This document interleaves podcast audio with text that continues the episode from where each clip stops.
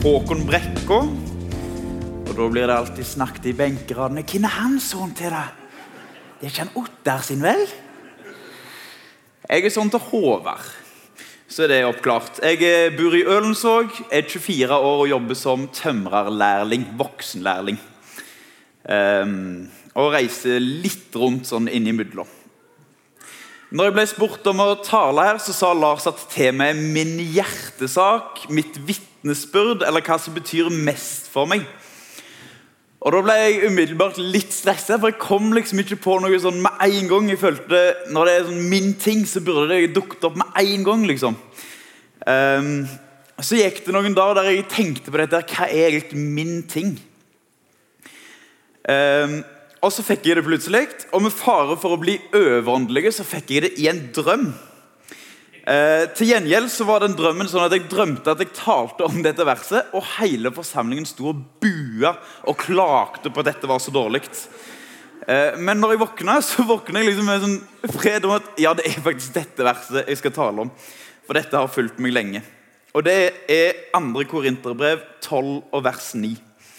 Eh, men for å få med sammenhengen så vil jeg lese fra vers 7 til 10. Og det tror jeg eh, kommer på veggen. Der står det sånn Og for at jeg ikke skal gjøre meg stor av de høye åpenbaringene, har jeg fått ei torn i kroppen.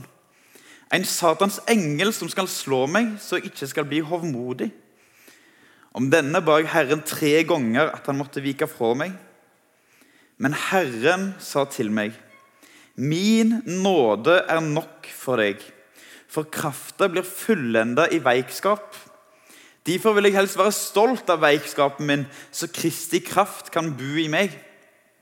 Og derfor er jeg, for Kristi skyld, glad når jeg er veik, når jeg blir mishandla, når jeg er i nød, i forfølging og angst. For når jeg er veik, da er jeg sterk. Jeg skal be før jeg fortsetter.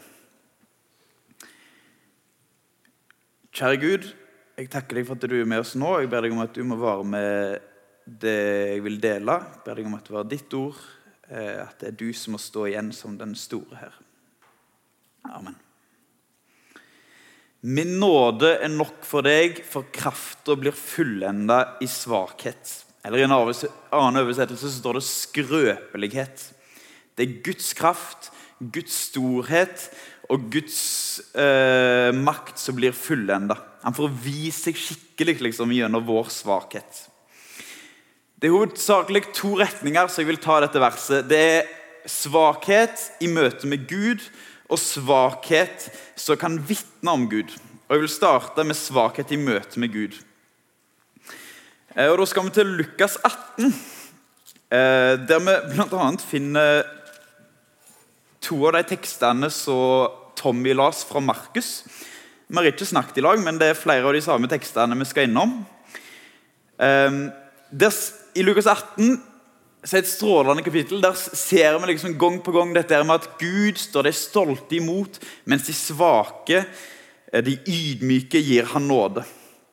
I vers 9 så forteller Jesus om eh, lignelsen om tolleren og fariseeren. Tolleren og fariseeren står i tempelet og skal be, der fariseeren stiller seg fromt opp, så alle kan se han, eh, og så begynner han å takke Gud.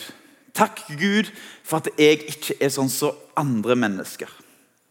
De som svindler, de som gjør urett, bryter ekteskapet, eller sånn som han tolleren borti her. Så sier han videre i bønnen sin jeg, jeg faster jo to ganger i veka og gir til og med tiende av alt det jeg tjener. Og så har vi tolleren. Han står langt unna, står det. Gjemmer seg litt til. Vil ikke engang løfte øynene mot himmelen. Og så ber han Gud, var meg synder nådig. Og det er alt. Gud, var meg synder nådig. Så sier Gud om lignelsen at tolleren var han gikk rettferdig hjem for Gud ikke fariseeren. For den som setter seg sjøl høyt, skal settes lågt, og den som setter seg sjøl lågt, skal settes høyt. Og så I det samme kapittelet videre så leser vi et motbilde i den rike unge mannen som Tommy også tok opp her. Han kommer til Jesus og spør hva skal jeg gjøre for å arve evig liv. Jesus? Altså Han spør hva skal jeg gjøre? Og Jesus svarer sånn så sant det er at du skal holde buda. Ikke slå i hæl, ikke bryte ekteskapet, ikke stjele, ikke lyge. Ære foreldrene dine. Og så er det akkurat så Han rike unge mannen nesten bryter litt inn i det Jesus sier. Men Jesus, dette her har jeg faktisk holdt fra jeg var ung. Dette vet jeg, dette kan jeg. Du trenger ikke nevne dette for meg. Så sier Jesus, ett mangler du ennå. Gå og selg alt det du eier, og del ut til de fattige. Da skal du få en skatt i himmelen. Kom så og følg meg. Da gikk mannen vekk sorgfull fordi han var så rik. Og Da er det ikke sånn at disiplene rundt Jesus eh, liksom fnyser litt av ham og tenker sånn ha, der får han se, det, det med seg er de skikkelige her, liksom. Men disiplene blir overraska. De visste kanskje hvem han her var. Han var jo en from person, så de spør forskrekka. Men Jesus, hvem kan da bli frelst? Hvis ikke han mannen her kan bli frelst, hvem kan jeg da bli frelst? Så sier Jesus noe viktig. At det som er umulig for mennesket, det er mulig for Gud. For ingenting er umulig for Gud, sånn som hørte at de skulle høre om i søndagsskolen her i dag òg. Og Med det så tror jeg Jesus også sier at om denne rike mannen i plassen for å ha gått vekk sorgfull, hadde vendt seg til Jesus og sagt 'Jesus, jeg vil så gjerne, men jeg klarer ikke. Du må hjelpe meg, her, Jesus.' Så tror jeg Jesus ville hjulpet han enten på den ene eller den andre måten. For ingenting er umulig for Gud. Gud står de stolte imot, mens de ydmyke gir han nåde. Og så Et siste eksempel fra samme kapittelet. I vers 15 så leser vi dette med Jesus og ungene. Der står det sånn De bar òg spedbarna til Jesus for at han skulle røre ved dem. Læresveinene så det og ville vise dem bort. Men Jesus kalte dem til seg og sa, La småbarna komme til meg, og hindre dem ikke, for Guds rike hører slike til. Sannelig, jeg sier dykk, den som ikke tar imot Guds rike slik som et lite barn, skal ikke komme inn i det. Den som ikke tar imot Guds rike sånn så et lite barn, skal ikke komme inn i det. Vi skal være sånn som ungene. Så hvordan er ungene? En unge forstår at han ikke klarer seg sjøl. Uten mamma og pappa har de ikke sjans ute i den store verden. Og Sånn skal vi òg være overfor Gud. En unge stoler på foreldrene sine, har tillit til foreldrene sine. Mamma og pappa kan liksom alt. De, de kan fikse alt. De ordner alt. Og sånn skal vi jo være overfor Gud. En unge som skal spørre om hjelp, jobber ikke veldig mye med formuleringer. Hvordan skal jeg si dette her egentlig til mamma og pappa? Eh, nei, Hvis vi ser til de aller minste ungene, så kan de jo ikke snakke engang. Alt som kommer i et skrik eller et brøl eller et eller annet sånt.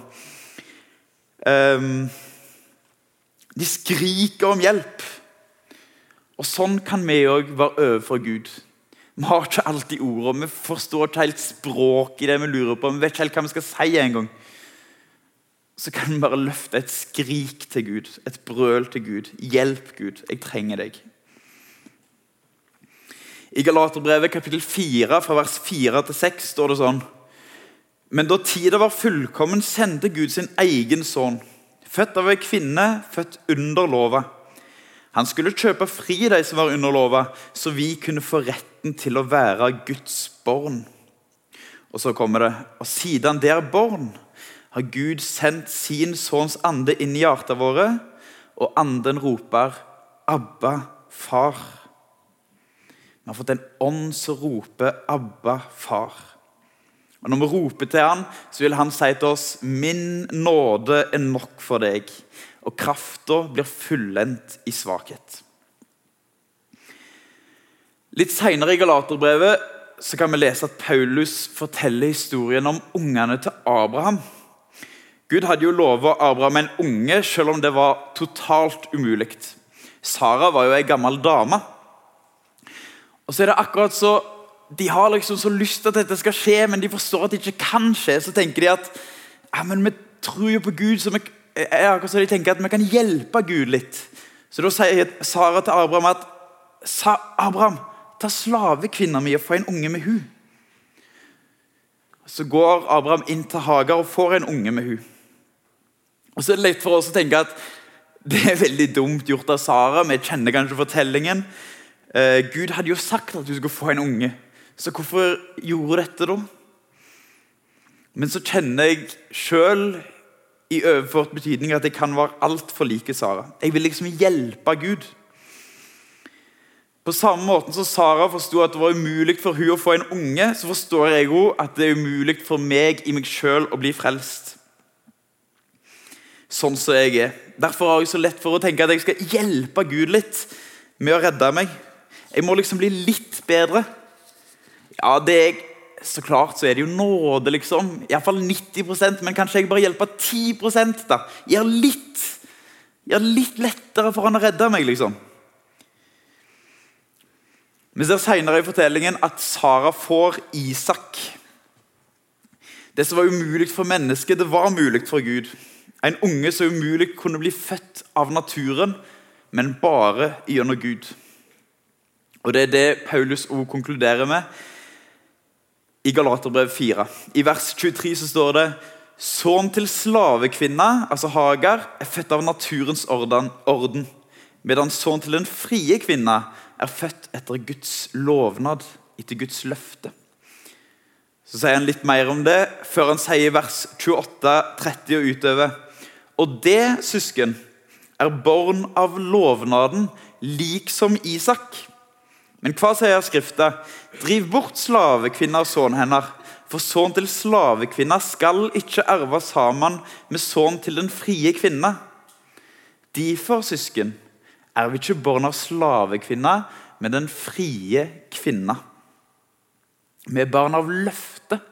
Løftets barn. Om vi så tenker at vi skal bli frelst 10 gjennom oss sjøl, så holder det ikke. Da har vi ikke sjans. Den var 100% Jesus. Bare han vi kan stole på. Bare han vi kan sette vår lit til.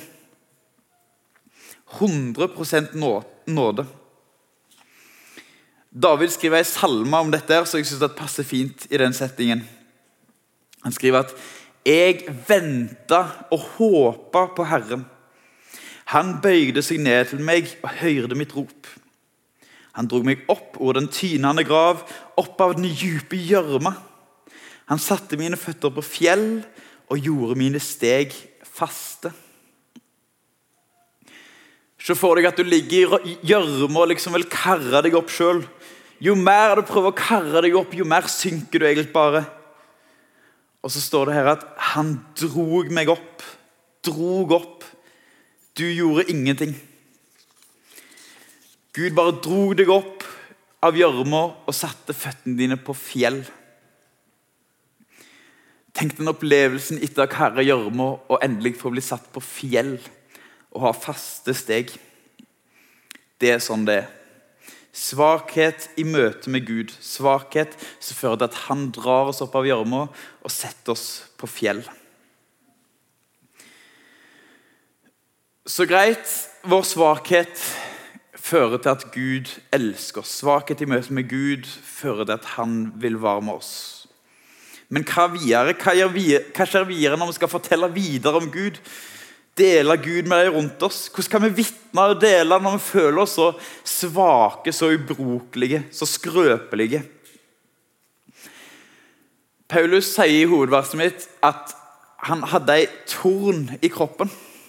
Noe som holdt han nede, noe som gjorde at han ikke skulle bli hovmodig. Han sier ikke spesifikt hva torna er, men det er i fall noe Paulus sliter såpass mye med at han ba en intens bønnekamp tre ganger om at dette måtte bli tatt vekk fra ham. Og Det er da vi kommer til verset om at Men Herren sa til meg, min nåde er nok for deg, for krafta mi blir fullendt i svakhet så tror jeg vi sitter mange her med torn i kjødet sjøl. Noe du føler at ødelegger, noe som tærer på frimodigheten. Om det er sykdom, plager, ting som ikke ble sånn som du hadde tenkt.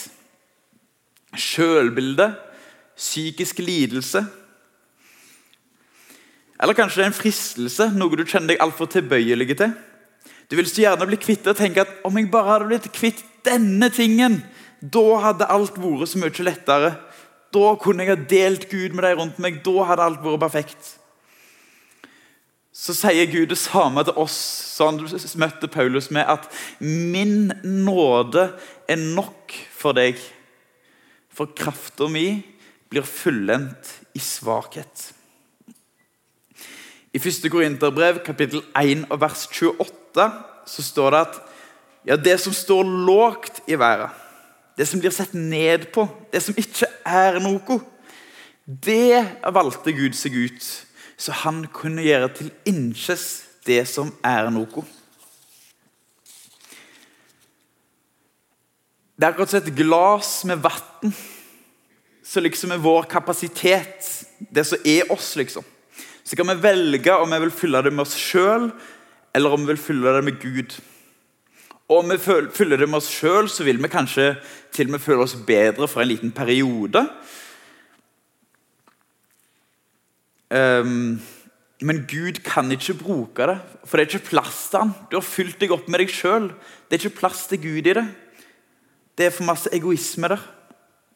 Men når vi er svake og vi er skrøpelige, så er det akkurat så det er plass til Gud i oss. Vi baner vei for Gud. Um, på tross av vår svakhet så er det det Gud bruker. Så handler det om å komme til Gud med dette tomme glasset, med disse tomme hendene, og si 'bruk meg'. Bare la han bruke oss. Det er en gammel sang i sangboka som sier det sånn at 'Jeg sto der med hendene fulle, fulle av mange ting'. De lyste og skinte for meg som perler i gyllen ring. Men Herren ved hendene rørte, jeg naglegapene så. Og spredt for min Herres føtter alle skattene lå. Tomme hender, sa han, tomme hender må den ha, som skal gjøre min gjerning. I 1. Korinterbrev kapittel 2 så skriver Paulus om når han var på besøk hos forsamlingen i Korint. Og Vi har lett for å se for oss den store, mektige Paulus liksom, eh, som har trua på seg sjøl og kommer til en forsamling som sliter. Vi ser at han kommer liksom, Her kommer han som har kontrollen, på en måte. Men så skriver han til dem Da jeg kom til dere, søsken, var det ikke med mesterskap i talekunst eller visdom jeg forkynte Guds mysterium. For jeg hadde fastsett at jeg ikke skulle vite av noe annet hos dere enn Jesus Kristus og han krossfest. Og så står det Veik, redd og skjelvende var jeg mellom dere.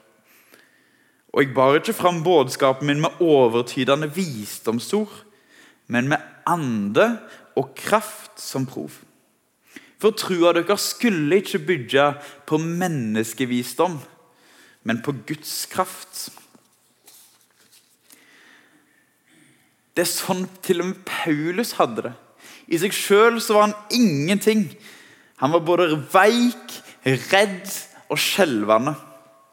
Men ved Guds ånd og ved Guds kraft så kunne han stå der og dele de gode nyhetene om Gud som elska verden så høyt at han ga Jesus til verden. Vi ser det også tydelig gjennom hele Bibelen hvem det egentlig Jesus bruker. Det er ikke de store i samfunnet som alle så opp til, men det var fiskere, landssvikere, opprørere, prostituerte. Det var de han brukte, det var de han kalla, det var de som skulle dele Guds rike videre. De svake i samfunnet. Til slutt Moses var også en mann som mange ser på som en sværing, akkurat sånn som Paulus, med mye makt og myndighet. Men når Gud kaller han til å lede israelsfolket ut av Egypt, så var han ikke mye høy i hatten. Først sier han ah, Gud, tenk om de ikke tror på meg. Kan de si at det bare er tull at du har vist deg for meg?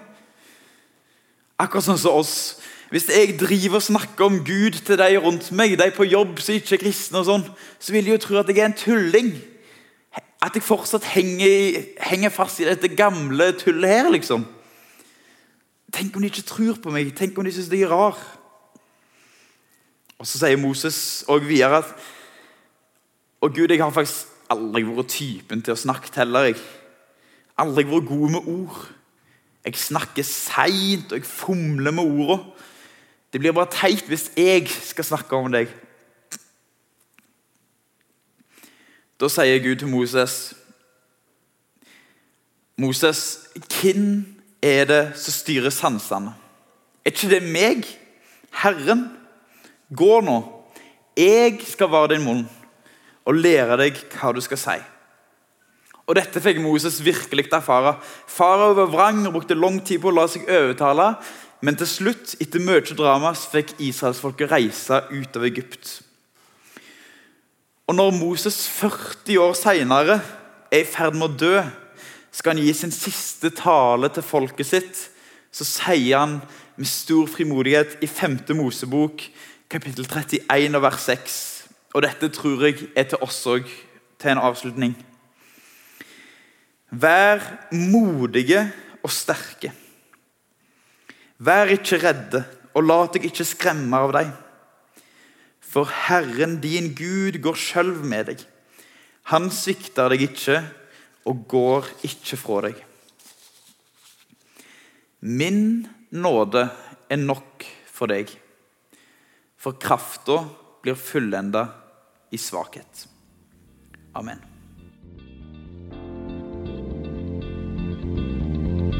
thank